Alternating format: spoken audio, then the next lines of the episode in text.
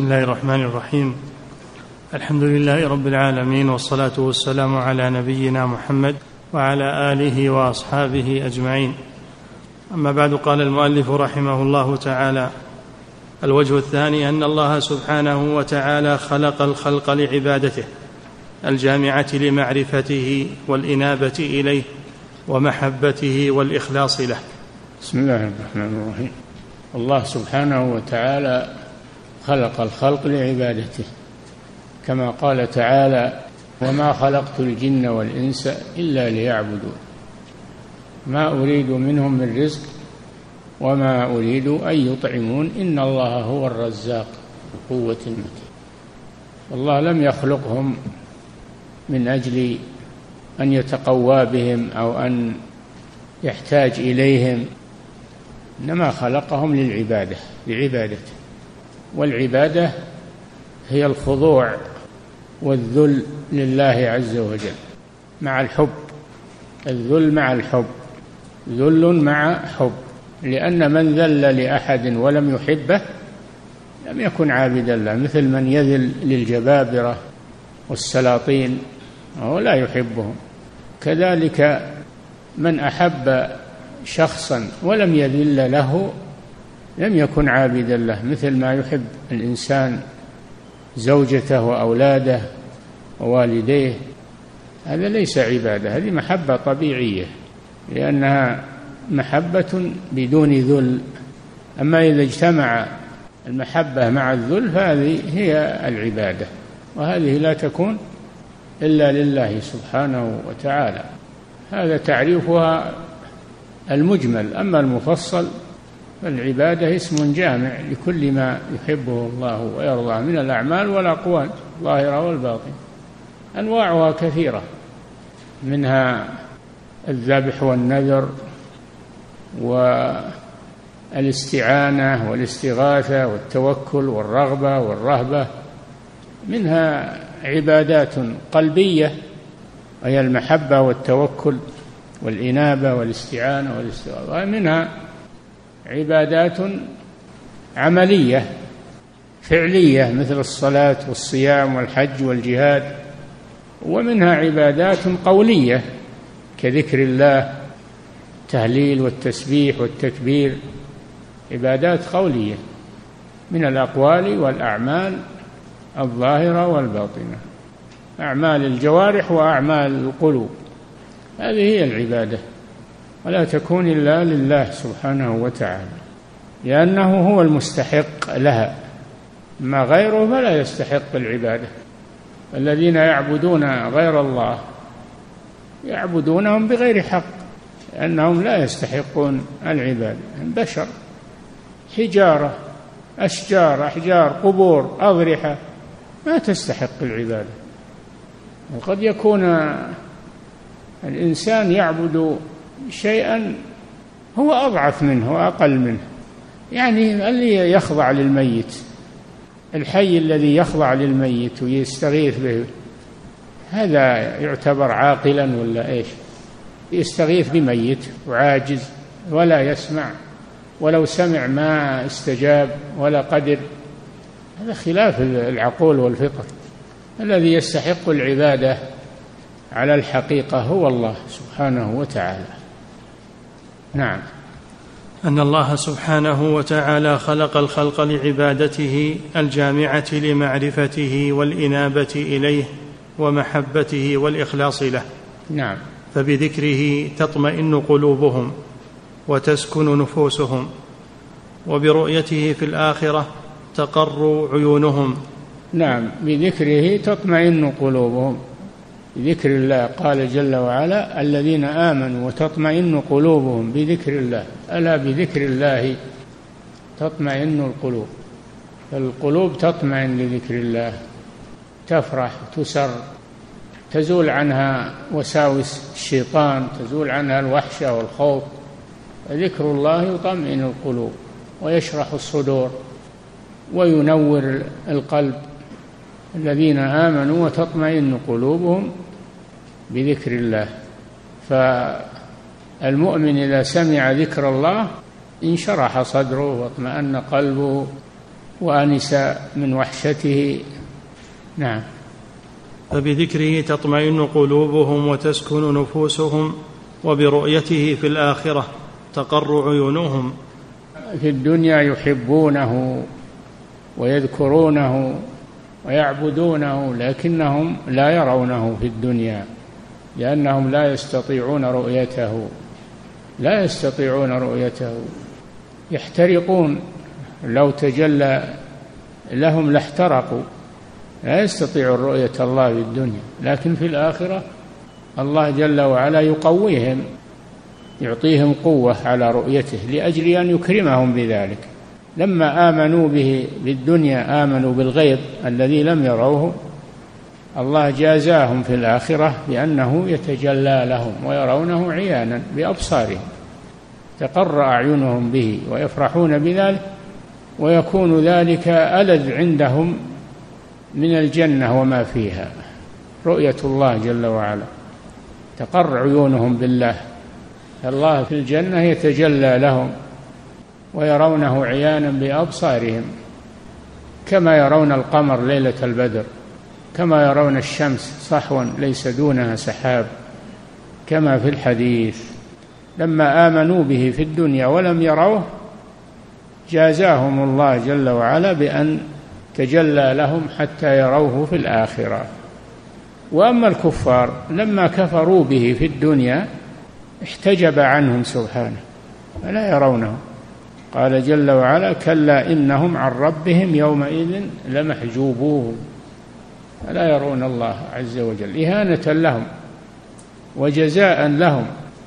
المؤمن إذا عبد الله اشتاق لرؤيته اشتاق لرؤيته ومحبته لكنه لا يقدر أن يراه في الدنيا. الله جل وعلا لما تجلى للجبل الأصم اندك الجبل وصار ترابا. فكيف بجسم الإنسان لو تجلى الله له؟ ولذلك موسى عليه السلام لما جاء لميقات ربه وكلمه ربه اشتاق إلى ربه. قال ربي أرني أنظر إليك. قال لن تراني. يعني لن تراني في الدنيا ولكن انظر إلى الجبل فإن استقر مكانه فسوف تراني. فلما تجلى ربه للجبل جعله دكا. جبل صار ترابا. وخر موسى صاعقا. غشي عليه من شدة الهول. فلما أفاق قال سبحانك تبت إليك وأنا أول المؤمنين. نعم. وبرؤيته في الآخرة تقر عيونهم ويتم نعيمهم. نعم. فلا يعطيهم في الآخرة شيئا هو أحب إليهم ولا أقر لعيونهم ولا أنعم لقلوبهم من النظر إليه وسماع كلامه منه بلا واسطة. نعم. يكلمهم بل يكلم كل فرد منهم يا فلانة تذكر كذا وكذا من أجل أن يفرحوا بذلك يسمعون كلامه ويرونه سبحانه عيانا لتقر أعينهم بذلك تنعم نفوسهم وهذا ألذ عليهم من كل نعيم في الجنة. نعم. ولم يعطهم في الدنيا شيئا خيرا لهم ولا أحب إليهم ولا أقر لعيونهم من الإيمان به. أما في الدنيا فيؤمنون به ولا يرونه يؤمنون به اعتمادا على ما جاءت به الرسل ونزلت به الكتب فيؤمنون بذلك. نعم. ولم يعطهم في الدنيا شيئا خيرا لهم ولا أحب إليهم ولا أقر لعيونهم من الإيمان به ومحبته والشوق إلى لقائه والأنس بقربه والتنعم بذكره. نعم في الدنيا يتنعمون بالعبادة والطاعة يتلذذون بها وفي الآخرة يتنعمون برؤية الله سبحانه وتعالى. في الجنات. نعم. وقد جمع النبي صلى الله عليه وسلم بين هذين الأمرين في الدعاء الذي رواه النسائي والإمام أحمد وابن حبان في صحيحه وغيرهم. من حديث عمار بن ياسر رضي الله عنهما أن رسول الله صلى الله عليه وسلم كان يدعو به اللهم بعلمك الغيب وقدرتك على الخلق أحيني ما علمت الحياة خيرا لي وتوفني إذا كانت الوفاة خيرا لي. وأسألك خشيتك في الغيب والشهادة وأسألك كلمة الحق في الغضب والرضا وأسألك القصد في الفقر والغنى وأسألك نعيما لا ينفد وأسألك قرة عين لا تنقطع وأسألك الرضا بعد القضاء وأسألك برد العيش بعد الموت. وأسألك لذة النظر إلى وجهك والشوق إلى لقائك في غير ضراء مضرة ولا فتنة مضلة. اللهم زينا بزينة الإيمان واجعلنا هداة مهتدين. الشاهد في قوله النظر إليك من غير ضراء مضرة ولا فتنة مضله يدعو ربه أن يمن عليه بالنظر إليه في الدار الآخرة. نعم. فجمع في هذا الدعاء العظيم القدر بين أطيب شيء في الدنيا وهو الشوق إلى لقائه سبحانه وأطيب شيء في الآخرة وهو النظر إلى وجهه سبحانه. نعم. لهذا قال جل وعلا فمن كان يرجو لقاء ربه فليعمل عملا صالحا. قالوا لقاء ربه يعني رؤية الله عز وجل. فليعمل عملا صالحا. نعم. ولهذا لما كان كمال ذلك وتمامه موقوفا على عدم ما يضر في الدنيا ويفتن في الدين قال في غير ضراء مضرة ولا فتنة مضلة. نعم. ولما كان كمال العبد في أن يكون عالما بالحق متبعا له معلما لغيره مرشدا له قال اجعلنا هداة مهتدين. هداة في أنفسنا يعني مهتدين في أنفسنا وهداة لغيرنا. مهتدين في أنفسنا وهداة لغيرنا. فالمسلم لا يقتصر على نفسه بل يرجو الخير لغيره ويحب الخير لغيره. ولذلك يدعو إلى الله يأمر بالمعروف ينهى عن المنكر ينشر الخير يعلم العلم. نعم. ولما كان الرضا النافع المحصل للمقصود هو الرضا بعد وقوع القضاء لا قبله. فإن ذلك عزم على الرضا. فإذا وقع القضاء, القضاء تؤمن به هذا من أركان الإيمان تؤمن به. هذا قبل وقوعه. فإذا وقع ترضى به ولا تجزع. ترضى به ولا تجزع ولا تسخط. تصبر. نعم. ولما كان الرضا النافع المحصل للمقصود هو الرضا بعد وقوع القضاء لا قبله فإن ذلك عزم على الرضا فإذا وقع القضاء انفسخ ذلك العزم سأل الرضا بعده. نعم.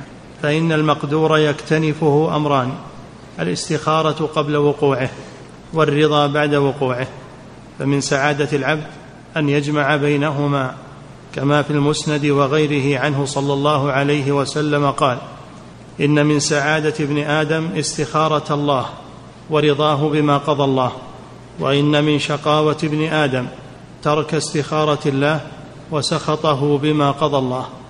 نعم. ولما كانت خشية الله رأس كل خير في المشهد والمغيب سأله خشيته في الغيب والشهادة. في الغيب والشهادة الغيب إذا غاب عن الناس يخشى الله ويتقيه ولا يقول ما عندي أحد. بل يخشى الله فإن الله يراه ويطلع عليه. وفي الشهادة إذا كان مع الناس إذا كان مع الناس ويراه الناس. نعم. ولما كان أكثر الناس إنما يتكلم بالحق في رضاه فإذا غضب أخرجه غضبه إلى الباطل وقد يدخله أيضا رضاه في الباطل. سأل الله أن يوفقه لكلمة الحق في الغضب والرضا. ولهذا قال بعض السلف لا تكن ممن إذا رضي أدخله رضاه في الباطل وإذا غضب أخرجه غضبه من الحق. نعم. كلمة الحق السخط والرضا. الانسان يغضب لأنه بشر لكن يمسك نفسه إذا غضب يمسكها عن أن يتكلم بكلام قبيح أو سباب أو شتم. أو أشد من ذلك كلام الكفر والشرك. يمسك لسانه ويمسك نفسه لأن الغضب يحمله. والنبي صلى الله عليه وسلم يقول ليس الشديد بالسرعة إنما الشديد الذي يمسك نفسه عند الغضب. الغضب خطير جدا. الإنسان يلزم الحق ولو غضب يلزم الحق والعدل. نعم. ولما كان الفقر والغنى محنتين وبليتين يبتلي الله بهما عبده ففي الغنى يبسط يده وفي الفقر يقبضها. سأل الله القصد في الحالين وهو التوسط الذي ليس معه إسراف ولا تقتير. نعم.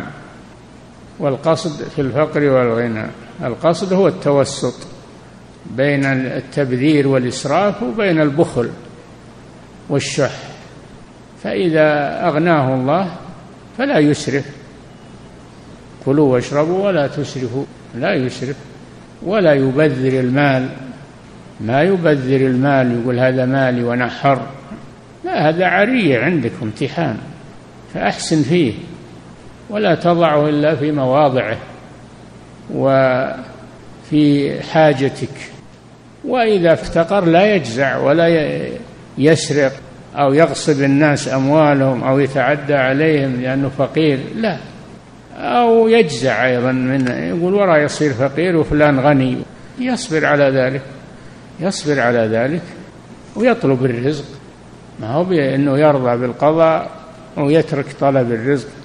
لا يطلب الرزق ولكن لا يجزع من الفقر. نعم.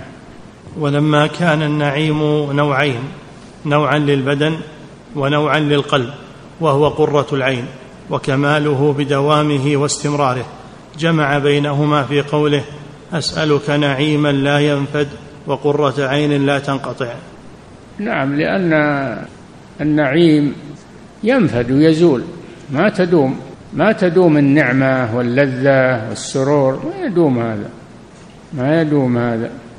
فالنبي صلى الله عليه وسلم طلب من الله أن يرزقه نعيما لا ينفد ولا يزول. وسأله أيضا قرة عين لا تنقطع. إنسان قد يكون قرير العين بماله بأولاده بأصحابه ثم يأتي عليه وقت تزول عنه هذه الأشياء. فالنبي صلى الله عليه وسلم طلب دوام هذه الأشياء. دوام هذه نعيما لا ينفد قرة عين لا تنقطع. ذلك في الآخرة. أما في الدنيا فهذه الأشياء تنقطع. لكن هذا يكون في الآخرة. نعم. ولما كانت الزينة زينتين. وقد يكون الإنسان في نعمة وفي قرة عين وهو ما عنده شيء. يعني يكون فيه غنى في قلبه.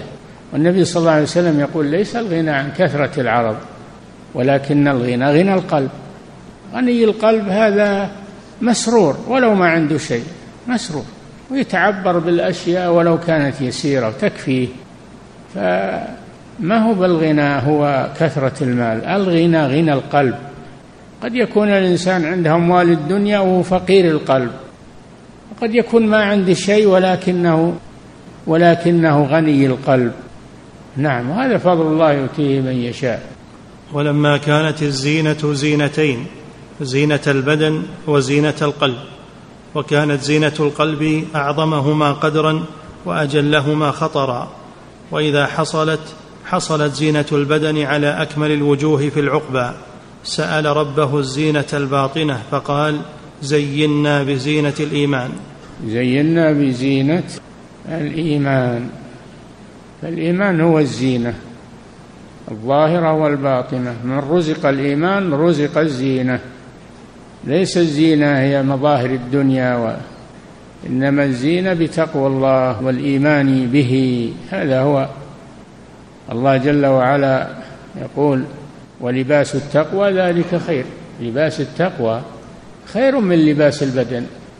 يا بني آدم خذوا زينتكم عند كل مسجد وكلوا واشربوا ولا تسرفوا إنه لا يحب المسرفين. هذه زينة. لكنها زينة بدن والزينة الصحيحة الحقيقية زينة الإيمان. زينا بزينة الإيمان. زينا بزينة الإيمان. فالمؤمن ولو ما عنده مال ولا عليه ثياب جميلة عنده زينة الإيمان في قلبه في نفسه في تصرفاته. إذا المرء لم يلبس ثيابا من التقى تقلب عريانا وإن كان كاسيا. ولباس التقوى ذلك خير. نعم. ولما كان العيش في هذه الدار لا يبرد لأحد كائنا من كان بل هو محشو يا بني آدم قد أنزلنا عليكم لباسا يواري سوآتكم وريشا يعني زينة. ولباس التقوى ذلك خير. نعم. ولما كان العيش في هذه الدار لا يبرد لأحد كائنا من كان بل ولما هو ولما كان العيش في هذه الدار لا يبرد لأحد كائنا من كان بل هو محشو بالغصص والنكد ومحفوف بالآلام الباطنة والظاهرة. سأل برد العيش بعد الموت. نعم برد العيش بعد الموت. العيش عيش الآخرة. اللهم لا عيش إلا عيش الآخرة فارحم الأنصار والمهاجرة كما قال النبي صلى الله عليه وسلم. العيش عيش الآخرة أما عيش الدنيا فإنه يزول ويفنى. نعم. والمقصود أنه جمع في هذا الدعاء بين أطيب ما في الدنيا وأطيب ما في الآخرة فإن حاجة العباد إلى ربهم في عبادتهم إياه وتألههم له. كحاجتهم إليه في خلقه لهم ورزقه إياهم ومعافاة أبدانهم وستر عوراتهم وأمن روعاتهم بل حاجتهم إلى تألهه ومحبته وعبوديته أعظم. نعم المؤمن لا غنى له عن ربه طرفة عين في كل أموره وفي كل شؤونه فلذلك يكون متعلقا بالله راجيا لله. خائفا من الله دائما وابدا. يكون مع الله دائما وابدا. نعم. بل حاجتهم إلى تالهه ومحبته وعبوديته أعظم فإن ذلك هو الغاية المقصودة لهم. ولا صلاح لهم ولا نعيم ولا فلاح ولا لذة ولا سعادة بدون ذلك بحال. نعم. ولهذا كانت لا إله إلا الله أحسن الحسنات. ولهذا يعني لما سبق من هذه المعاني العظيمة المذكورة في هذا الحديث الذي شرحه المؤلف كانت لا إله إلا الله نعم أحسن الحسنات. كانت كلمة لا إله إلا الله أحسن الحسنات لأن كلمة لا إله إلا الله هي كلمة التوحيد كلمة الإخلاص وهي مفتاح الجنة كما في الحديث وهي العروة الوثقى فكلمة لا إله إلا الله كلمة عظيمة. هي كلمة خفيفة على اللسان مختصره ولكنها ثقيلة في الميزان عظيمه تجمع بين النفي والإثبات. نفي الألوهية عما سوى الله عز وجل وإثباتها لله وحده. نفي وإثبات. وهي مثل قوله فمن يكفر بالطاغوت ويؤمن بالله. يكفر بالطاغوت هذا هو معنى نفي الإلهية عما سوى الله. ويؤمن بالله هذا معنى إلا الله. ولهذا قال فقد استمسك بالعروة الوثقى. لا انفصام لها. وهي لا إله إلا الله. نعم. ولهذا كانت لا إله إلا الله أحسن الحسنات وكان توحيد الإلهية رأس الأمر. نعم التوحيد المقصود والذي جاءت به الرسل ونزلت به الكتب هو توحيد الألوهية وهو إفراد الله بالعبادة. أما توحيد الربوبية توحيد الربوبية وهو إفراد الله بأفعاله كالخلق والرزق والإحياء والإماتة غير ذلك فهذا أقر به المشركون. ولم ينفعهم بدون توحيد الألوهية. لا بد من توحيد الألوهية مع توحيد الربوبية. أما الاقتصار على توحيد الربوبية فهذا لا ينفع شيئا. أقر به المشركون وهم في الدرك الأسفل من النار ولم ينفعهم لما لم يكن معه توحيد الألوهية. نعم. وكان توحيد الإلهية رأس الأمر وأما توحيد الربوبية الذي أقر به المسلم والكافر وقرره أهل الكلام في كتبهم فلا يكفي وحده.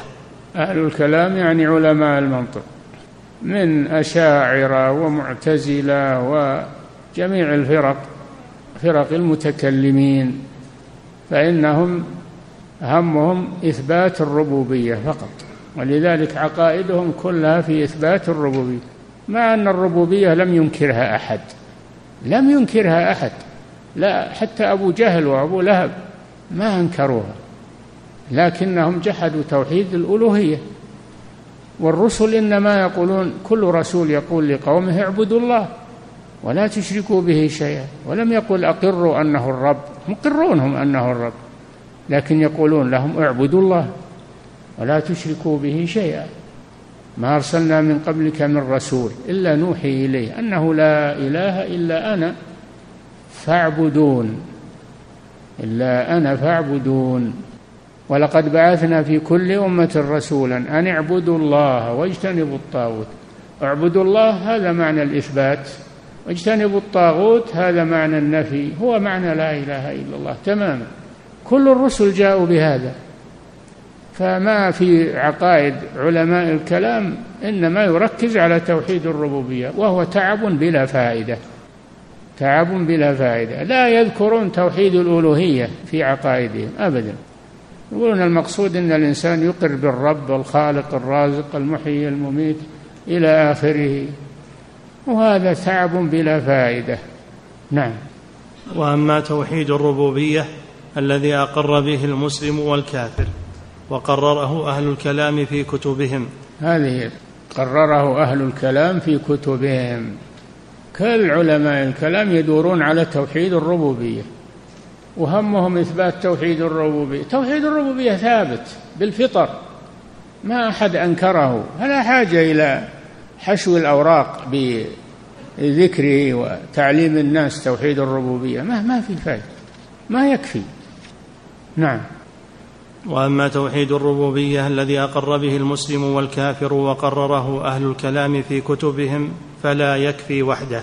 حتى إبليس قال ربي اعترف لربه بالربوبيه قال ربي بما اغويتني اعترف بأن الله ربه وهو إبليس. نعم. فلا يكفي وحده بل هو الحجة عليهم. كما بين ذلك سبحانه أي نعم توحيد الربوبية هو حجة توحيد الألوهية.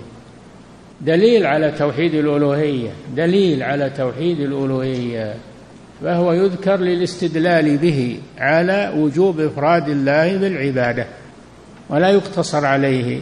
نعم. فلا يكفي وحده بل هو الحجة عليهم كما بين ذلك سبحانه في كتابه في عدة مواضع. نعم. في عدة مواضع أن مثل قوله تعالى يا أيها الناس اعبدوا ربكم الذي خلقكم. هذا توحيد الربوبية.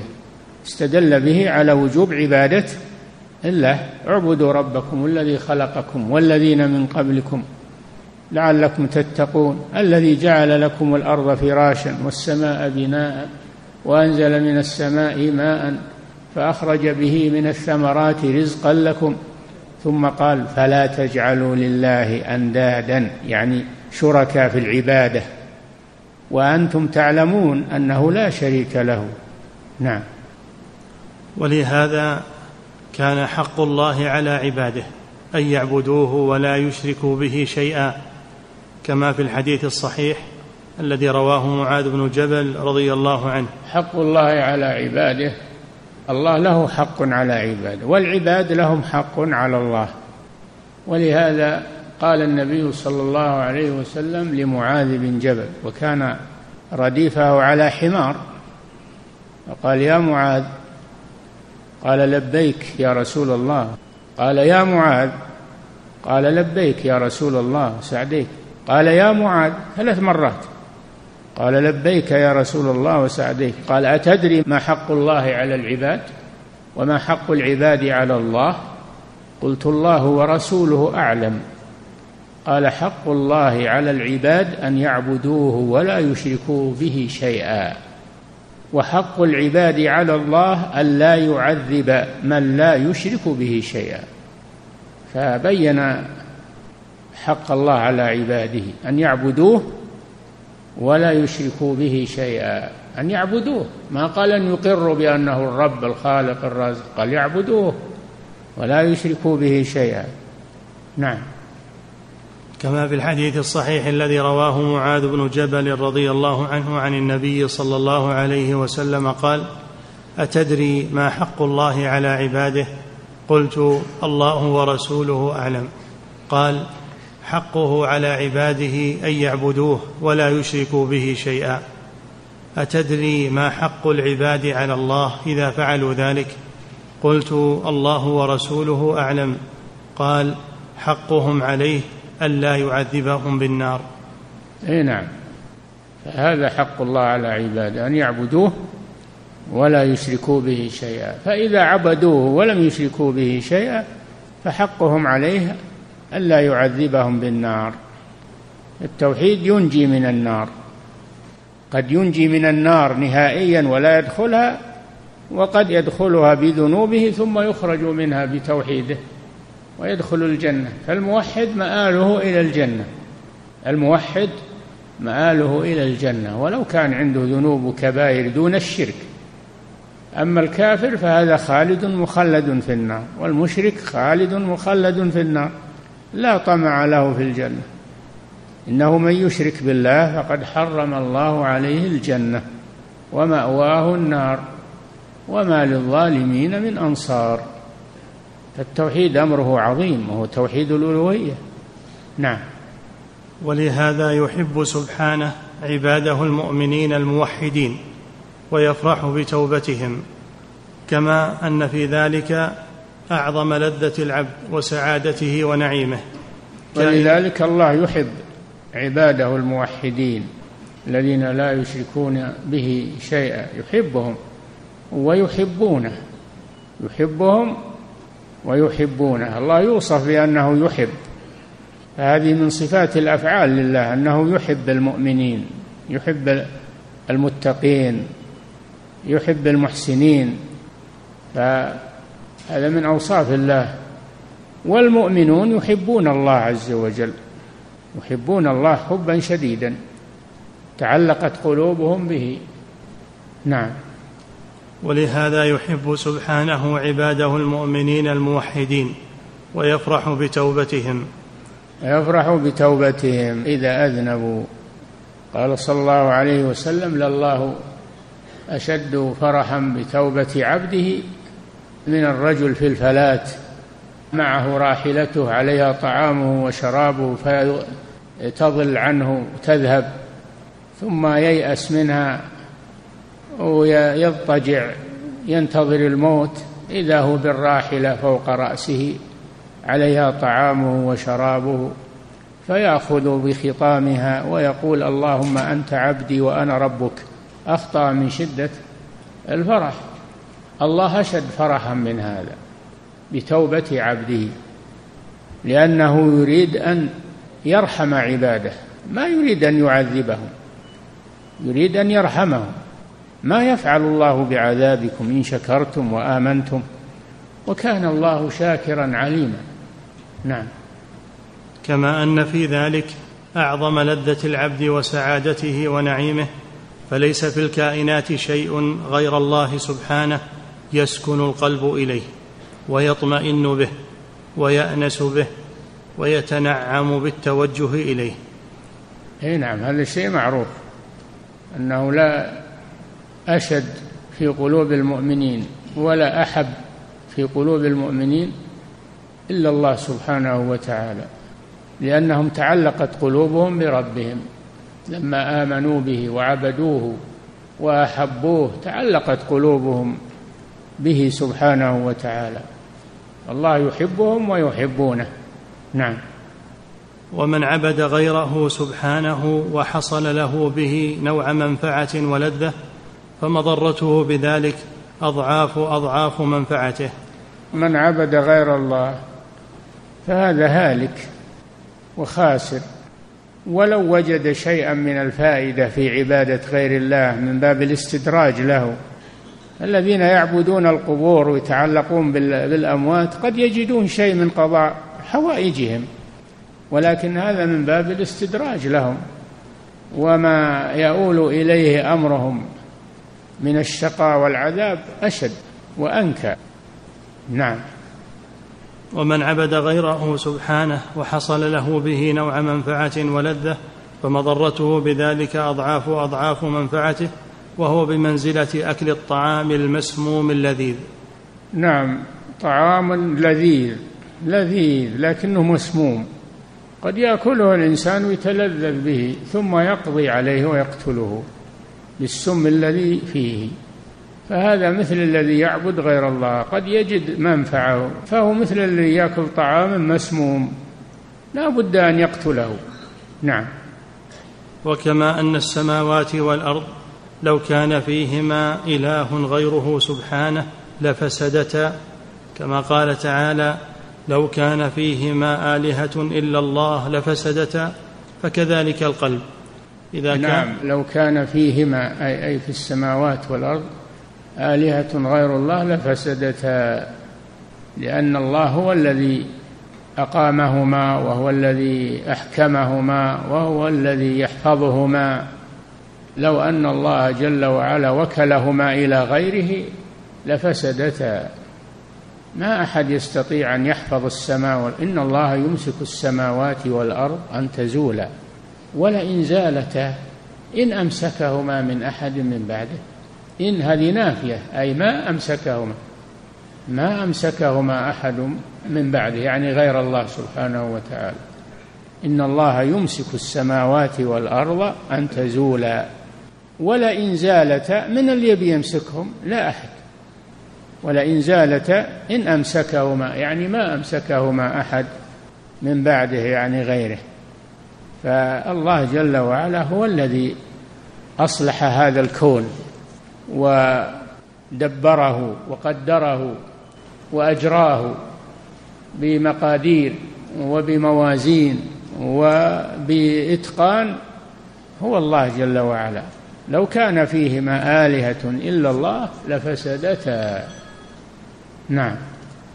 وكما أن السماوات والأرض لو كان فيهما إله غيره سبحانه لفسدتا. كما قال تعالى لو كان فيهما آلهة إلا الله لفسدتا. فكذلك القلب إذا كان فيه معبود غير الله فسد فسادا لا يرجى صلاحه إلا بأن يخرج ذلك المعبود من قلبه. ويكون الله كذلك الإنسان. إذا كانت السماوات والأرض لو كان فيهما آلهة إلا الله لفسدتا فكذلك قلب الإنسان. إذا كان فيه إله غير الله فسد. وإذا لم يكن فيه إله إلا الله صلح. نعم. فكذلك القلب إذا كان فيه معبود غير الله فسد فسادا لا يرجى صلاحه إلا بأن يخرج ذلك المعبود من قلبه. ويكون المعبود غير الله يعني نعم. ويكون الله وحده إلهه ومعبوده الذي يحبه ويرجوه ويخافه ويتوكل عليه وينيب إليه. نعم. الوجه الثالث أن فقر العبد إلى أن يعبد الله وحده لا يشرك به شيئا ليس له نظير فيقاس به. ما خلقت الجن والإنس إلا ليعبدون. مصلحة العبادة وين ترجع إلى الله؟ الله غني غني عنها. وين ترجع إذن؟ تصلح إلى الإنسان ترجع إلى الإنسان. هو الذي يحتاج إليها. الله أمره بمصلحته. أمره أن يعبده لمصلحته هو لا لمصلحة الله عز وجل. وإلا فالله غني عن الناس. إن تكفروا أنتم ومن في الأرض جميعا فإن الله لغني حميد. إن تكفروا فإن الله غني عنكم ولا يرضى لعباده الكفر. ملكه تام ربوبيته تامة لا يحتاج إلى أحد. إنما العباد هم المحتاجون إليه. فالله أمرهم بعبادته لمصلحتهم هم لا لمصلحته هو سبحانه وتعالى. فليتنبه الإنسان لذلك. نعم. ما أريد منهم من رزق وما أريد أن يطعمون.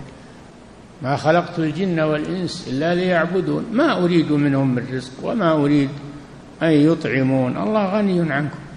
إن تكفروا فإن الله غني عنكم.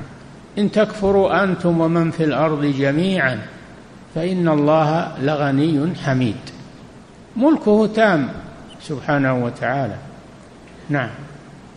أن فقر العبد إلى أن يعبد الله وحده ولا يشرك به شيئا ليس له نظير فيقاس به لكن يشبه من بعض الوجوه حاجة الجسد إلى الغذاء والشراب والنفس. فأنت بحاجة إلى العبادة أشد من حاجتك إلى الطعام والشراب. الطعام والشراب هذا للبدن أما العبادة فهي للقلب وحياة القلب أولى من حياة البدن. نعم. لكن يشبه من بعض الوجوه حاجة الجسد إلى الغذاء والشراب والنفس وبينهما فروق كثيرة.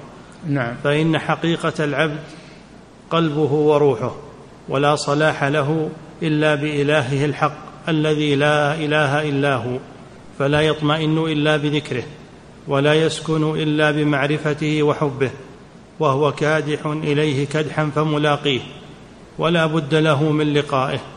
ولا صلاح له إلا بتوحيد محبه يا أيها الإنسان إنك كادح إلى ربك كدحا فملاقيه. وين تروح أنت وين أنت سائر لمه؟ إلى الله. كلنا نسير إلى الله. كل الخلق يسيرون إلى الله. المؤمنون والكفار كلهم يسيرون ويروحون وين؟ إلى الله سبحانه وتعالى. لا بد من لقاء الله. ولا يجدون إلا ما قدموا من العمل الصالح. في الآخرة. يحفظه الله لهم وينميه ويضاعفه لهم أضعافا كثيرة. نعم. ولا صلاح له إلا بتوحيد محبته وعبادته وخوفه ورجائه. ولو حصل له من اللذات والسرور بغيره ما حصل فلا يدوم له ذلك. بل ينتقل من نوع إلى نوع ومن شخص إلى شخص. ويتنعم بهذا في حال وبهذا في حال وكثيرا ما يكون ذلك الذي يتنعم به هو أعظم أسباب ألمه ومضرته. المؤمن تلذذ بعبادة الله يتلذذ بقيام الليل يتلذذ بأداء الفرائض وفعل النوافل يتلذذ بصيام النهار يفرح بذكر الله. والشقي يتنعم في الدنيا ويأكل من الشهوات والمشارب والمآكل والملابس و... لكن هذا يسير إلى النار وهذا يسير إلى الجنة. أين الفرق بينهما؟ ولذة المؤمن لا تنقطع ولذة أصحاب الشهوات تنقطع وتعقبها حسرة وندامة. ولهذا يقول بعض الصالحين لو يعلم الملوك وأبناء الملوك ما نحن فيه لجالدونا عليه بالسيوف. ما نحن فيه من اللذة والسرور بمحبة الله وطاعته وانشراح صدورهم ولذة نفوسهم. لو يعلمون هم الملوك وش يريدون؟ يريدون اللذة ويريدون لكن ما عرفوا وين هي. حسبنا بالشهوات والمآكل والملابس والسلطة. ما يدرون إن, إن اللذة إنما هي بطاعة الله سبحانه وتعالى. نعم. ولو حصل له من اللذات والسرور بغيره. ويقول الآخر أهل الدنيا خرجوا منها وما ذاقوا أطيب ما فيها. قيل وما أطيب ما فيها؟ قال ذكر الله هو أطيب ما في الدنيا. نعم. ولو حصل له من اللذات والسرور بغيره ما حصل فلا يدوم له ذلك بل ينتقل من نوع إلى نوع ومن شخص إلى شخص ويتنعم بهذا في حال وبهذا في حال وكثيرا ما يكون ذلك الذي يتنعم به هو أعظم أسباب ألمه ومضرته. وأما إلهه الحق. الإنسان قد يأكل الأكلة وتصير سبب لموته لوفاته.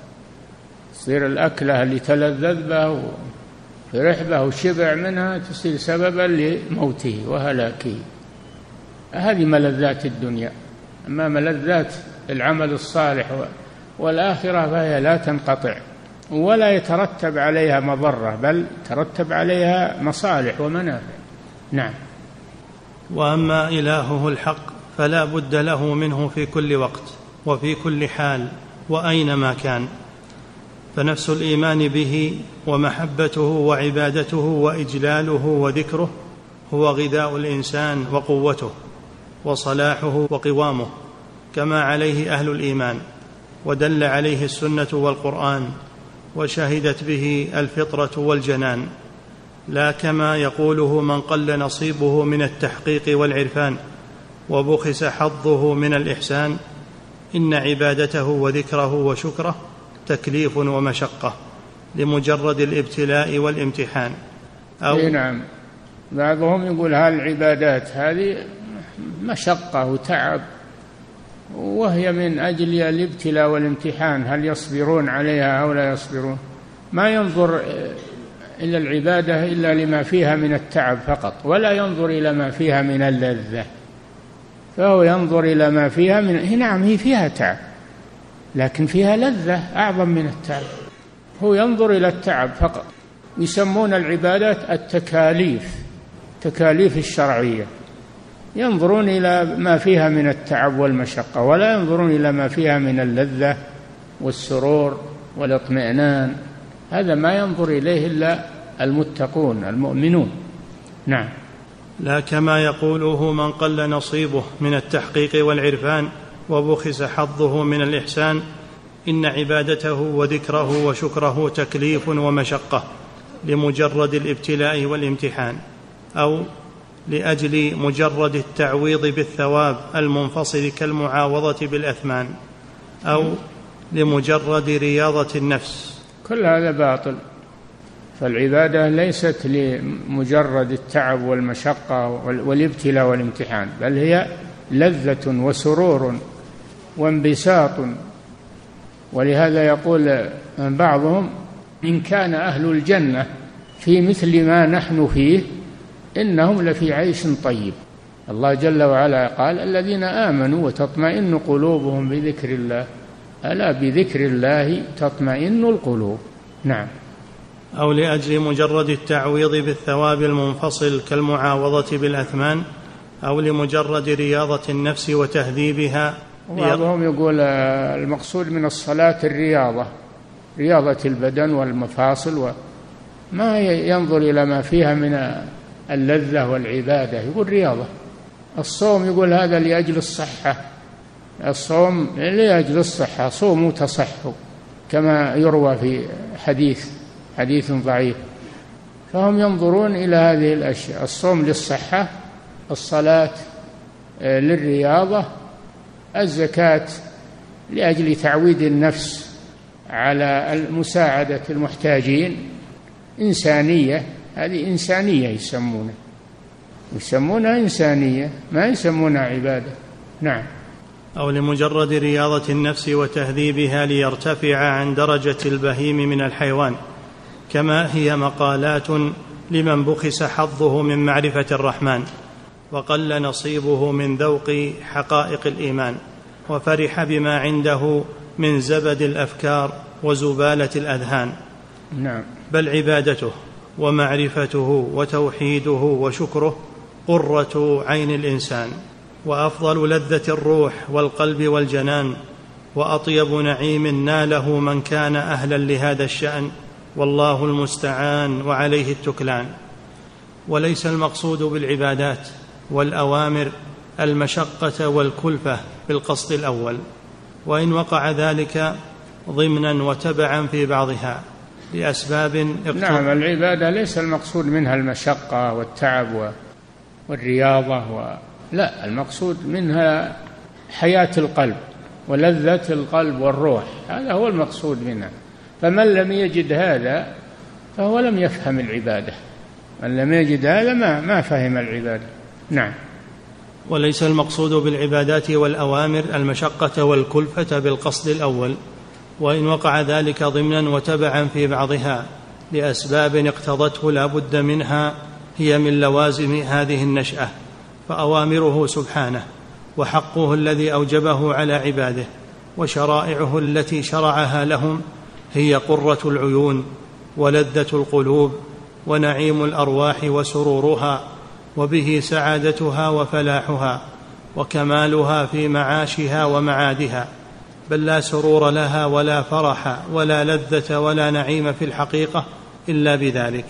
كما قال تعالى يا أيها الناس قد جاءتكم موعظة من ربكم وشفاء لما في الصدور وهدى ورحمة للمؤمنين قل بفضل الله وبرحمته فبذلك فليفرحوا هو خير مما يجمعون. إي نعم فهي فرح. فبذلك فليفرحوا يفرحوا بطاعة الله عز وجل وراحة نفوسهم وقلوبهم. هذا اللي يفرح به. نعم. قال أبو سعيد الخدري رضي الله عنه فضل الله القرآن ورحمته أن جعلكم من أهله.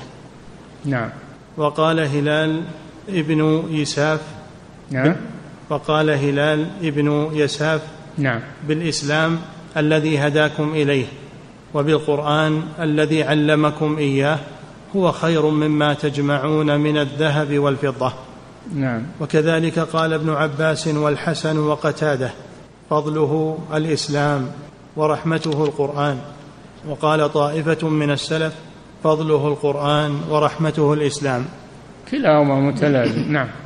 والتحقيق أن كل منهما فيه الوصفان الفضل والرحمة. القرآن فيه الفضل وفيه الرحمة والإسلام فيه الفضل وفيه الرحمة. نعم.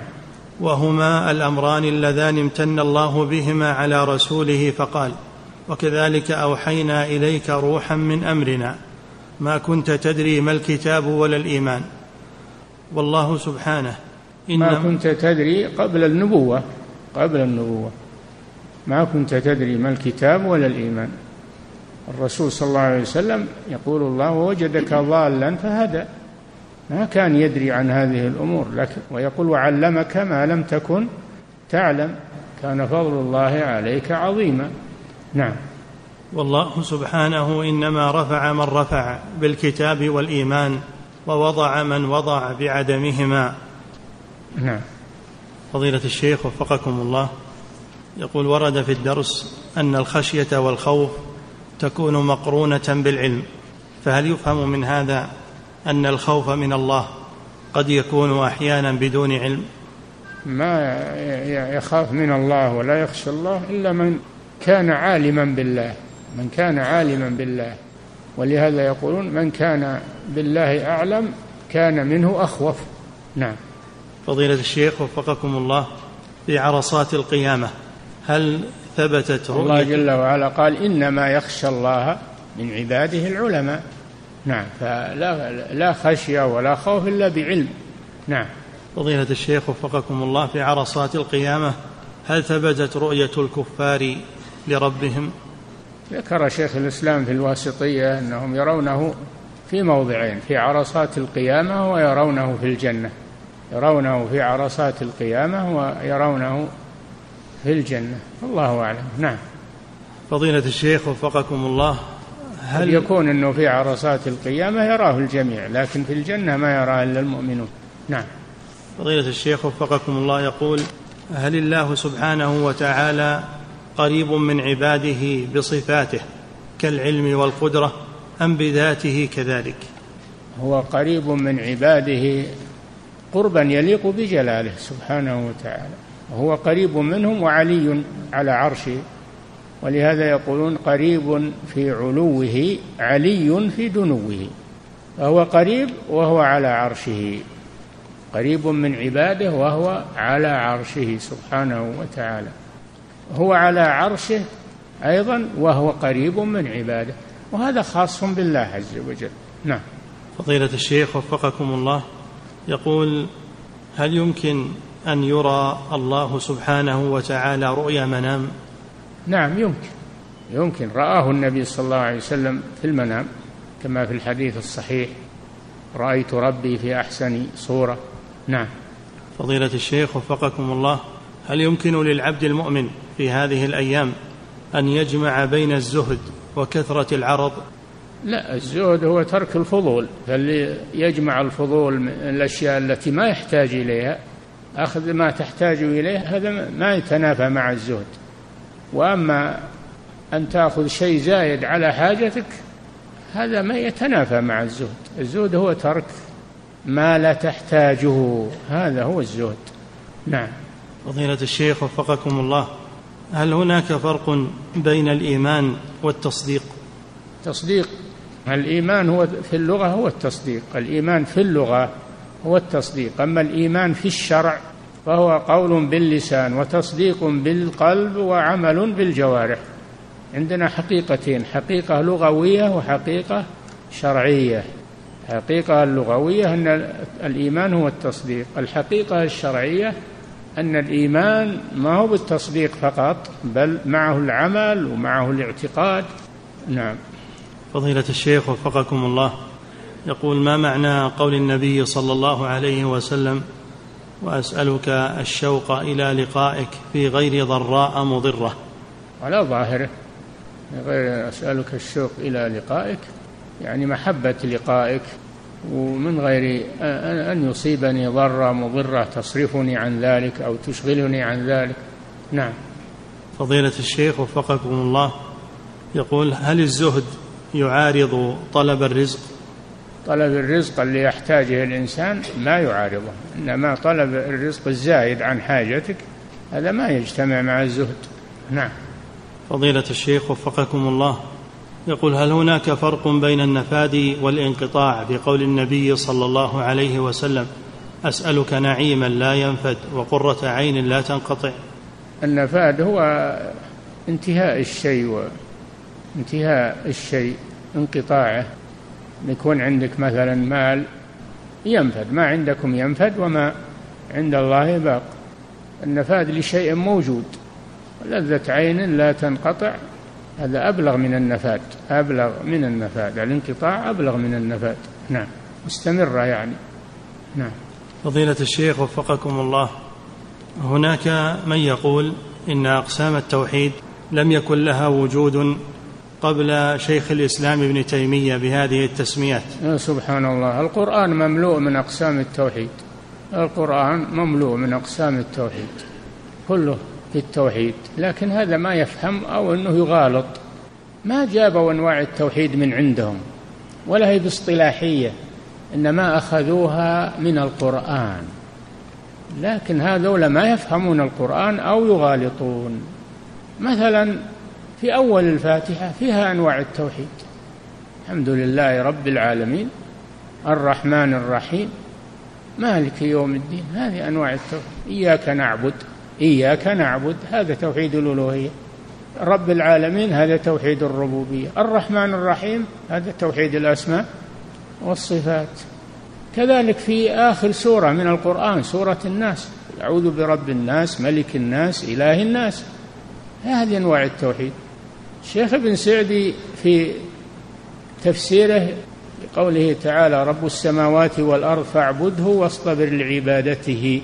هل تعلم له سميا يقول هذه الآية فيها أنواع التوحيد. رب السماوات والأرض هذا توحيد الربوبية. فاعبده هذا توحيد الألوهية. هل تعلم له سميا هذا توحيد الأسماء والصفات. لكن هؤلاء أعمى الله بصائرهم فلا يتدبرون القرآن والعياذ بالله. نعم. فضيلة الشيخ وفقكم الله هل الإتيان بالحسنات يكون ماحيا للشرك الأصغر؟ الشرك ما يمحى إلا بالتوبة. الشرك ما يمحى إلا بالتوبة سواء الشرك الأكبر أو الشرك آه، الأصغر. نعم. فضيلة الشيخ وفقكم الله يقول وردت هذه الجملة في الكتاب فليس في الكائنات شيء غير الله فليس في الكائنات شيئا غير الله عز وجل. هذا في الآية. لو كان فيهما آلهة إلا الله لفسدتا فليس فيها آلهة أخرى. ليس في الكائنات آلهة أخرى. هي آلهة حقيقية. أما الآلهة المخترعة وآلهة المشركين هذه موجودة لكنها ما هي بحقيقية هذه باطلة. ليس فيها آلهة حق إلا الله. نعم. فضيلة الشيخ وفقكم الله هل توحيد الألوهية يكون مستلزما لتوحيد الربوبية؟ إيه نعم العلاقة بين أنواع التوحيد أن توحيد الربوبية مستلزم لتوحيد الألوهية وتوحيد الألوهية متضمن لتوحيد الربوبية التضمن والالتزام. نعم.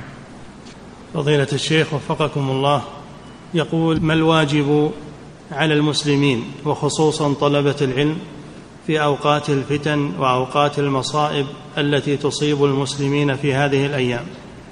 عليهم أن يوطنوا المسلمين وأن يصلحوا بين الناس ما استطاعوا وأن يدعوا الله أن يفرج عن المسلمين. نعم. لا أن يشتتوا بين المسلمين ويأيدون هذا ويتكلمون في هذا من المسلمين. بل يدعون الله للمسلمين عموما بالصلاح والإصلاح والاستقامة والاتفاق والائتلاف. نعم. فضيلة الشيخ وفقكم الله يقول إذا صلى الإنسان الراتبة القبلية فهل يشرع له أن يدعو حتى الإقامة؟ إذا صلى؟ إذا صلى الإنسان الراتبة القبلية نعم. فهل يشرع له أن يقوم بالدعاء؟ إلى حين الإقامة؟ نعم يقوم بالذكر يشغل نفسه بذكر الله بالدعاء بالتسبيح والتهليل بأي نوع من أنواع الذكر يشتغل. تلاوة القرآن نعم.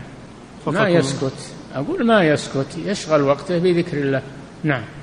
فضيلة الشيخ وفقكم الله إذا تعدد الخبر من الفساق فهل يكون مقبولا شرعا؟ لا. إن جاءكم فاسق بنبأ فتبينوا هذا عامل أن يعني يكون الفاسق واحد أو أكثر. نعم. والساق كلهم بعضهم من بعض. ما تقبل أخبارهم. نعم. فضيلة الشيخ وفقكم الله هذه امرأة من إحدى البلاد العربية. تطلب نصيحتكم في مسألة أن أهلها يرفضون أن تلبس النقاب وهي مصرة على ذلك ورفض أهلها ناتج من الفتن الدائرة في بلدها. فتقول ماذا تصنع؟ تلتزم النقاب إذا خرجت أو كان عندها رجال غير محارم تلتزم النقاب ولا تنظر لأهلها ولا إلى أحد لا طاعة لمخلوق في معصية الخالق. فلا تبرز للرجال إلا وهي متحجبة رضي من رضي وسخط من سخط. نعم. ومن يتق الله يجعل له مخرجا يرزقه من حيث لا يحتسب. نعم. فضيلة الشيخ وفقكم الله. قوم كرهوا خطيب الجمعة فحضروا معه في الصف الأول واستمعوا لخطبته ولما قام الإمام لصلاة الجمعة لم يصلوا معه بل عندما انتهى أقاموا الصلاة فصلوا ظهرا. يقول ما حكم عملهم هذا؟ نسأل الله العافية. هذا ضلال والعياذ بالله. هذا ضلال. إن كان هذا الإمام عنده شرك أو عنده ردة لا يحضرون لا خطبته ولا ولا صلاته أما إذا كان ما عنده شرك عنده ذنوب لكن ما تصل إلى حد الشرك حد الكفر يصلون معه.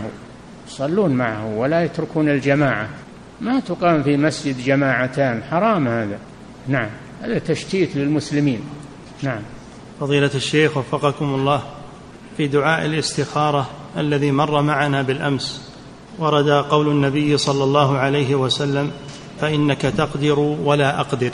يقول أليس في هذا دليل للجبرية بأن العبد لا قدرة له؟ تقدر على كل شيء. قدرة تامة أما أنا أقدر قدرة قدرة قاصرة ناقصة. يقدر وهو عاجز أيضا. يقدر من ناحية ويعجز من ناحية. أما الذي يقدر على كل شيء ولا يعجز هو الله جل وعلا. نعم. فضيلة الشيخ وفقكم الله هذه امرأة من فرنسا تطلب نصيحتكم وهي تقول أريد أن أخرج من بيت زوجي لأنه لا يصلي الفجر إلا بعد طلوع الشمس وهذا له أكثر من ثلاث سنوات. سؤالها هل يجوز لي أن أخرج من بيته ولا أستمر معه لفعله هذا؟ نعم إذا كان تستطيع أن تخرج وتستقل عنه تخرج ولا تبقى معه وهو يخرج الصلاة عن وقتها متعمدا. إذا أخرجها عن وقتها متعمدا لم تقبل منه ولا تصح. فهو لم يصلي والعياذ بالله.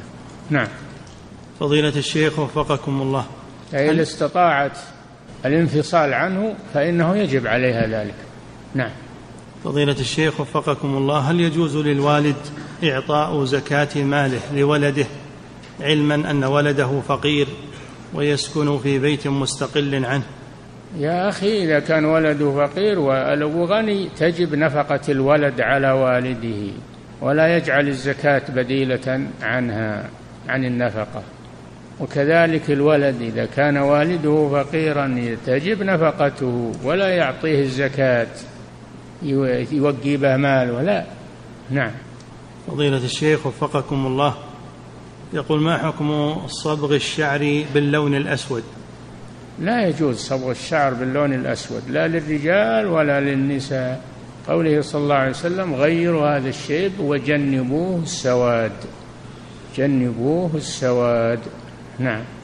فضيلة الشيخ وفقكم الله ورد في الحديث لا شؤم إلا في ثلاث الدابة والمرأة والمسكن. يقول هل التشاؤم بهذه الأمور يعتبر غير مذموم؟ إذا ثبت أن هذه الدار أنها من من أتاها يصاب وأن هذه الدابة من ركب أنه يصاب وأن هذه الزوجة من تزوجها يتجنبها موسعها الله يا أخي. يدور بيت غير هذا ويدور دابة غير هذه ويدور زوجة غير هذه موسعها الله. لأن الله قد يخلق أعيانا شريرة دابة زوجة دار بقعة يخلق الله أشياء شريرة ابتعد عنها. نعم. فضيلة الشيخ وفقكم الله يقول هل مس فرج الطفل يكون ناقضا للوضوء؟ إي نعم مباشرة من غير حائل ينقض الوضوء. مس الفرج مطلقة من الطفل وغيره. مباشرة من دون حائل ينقض الوضوء. نعم. فضيلة الشيخ وفقكم الله يقول الشعر الذي ينبت على الخد هل يجوز حلقه؟ اللي ما هو من اللحية اللحية هي العارضان والذقن. العارضان والذقن هذه اللحية. وغيرهما هذا ليس من اللحية. نعم. فضيلة الشيخ وفقكم الله يقول أنا شخص لدي عمل شاق أنني أعمل في المعدات الثقيلة سائقا ودوامي يومي ويكون تحت أشعة الشمس وإجازتي في يوم الجمعة. سؤاله هل يجوز لي أن أصوم الست من شوال في يوم الجمعة إفرادا؟ هل يجوز له؟ أن يفرد يوم الجمعة بصيام الست من شوال. أي نعم لأنه ما قصده ما قصد يوم الجمعة إنما صامه من أجل الست فقط. أما لو قصد صوم الجمعة ما يجوز هذا لكن لو صامه قضاء ما يصح يصح. كذلك إذا صامه بنية الست ما يخالف. نعم. فضيلة الشيخ وفقكم الله يقول ما حكم الإسبال بدون خيلاء؟ لا الإسبال ما يجوز لكن مع الخيلاء أشد. عذابا. فالإسبال محرم فإذا كان معه خيلاء فهو أشد. نعم. فضيلة الشيخ وفقكم الله يقول هل يجوز دفع زكاة الفطر من الرطب؟ لا لا بد يكون من الجاف من التمر الجاف. نعم. فضيلة الشيخ وفقكم الله يقول إذا علمت أن الفقير إذا أعطيته زكاة الفطر فإنه يقوم ببيعها مباشرة. فهل يجوز إعطاؤه؟ ما عليك منه. ما دام أنه فقير أعطاه إياه ويتصرف فيها قد يكون محتاج إلى ثمنها ما يخالف. إذا أخذها ملكها يتصرف فيها حاجته. نعم. وكذلك حفظك الله يقول هل يجوز دفع زكاة الفطر للفقير وتكون هذه الزكاة كثيرة تكفيه لأشهر؟ الواجب صاع من الطعام. إذا زدت عليه ما يخالف. عطهم يد صاع ما يخالف. الله تعالى أعلم وصلى الله وسلم على نبينا محمد وعلى آله وصحبه أجمعين. مؤسسة الدعوة الخيرية الدعوة إلى الله هدفنا والتقنية الحديثة وسيلتنا.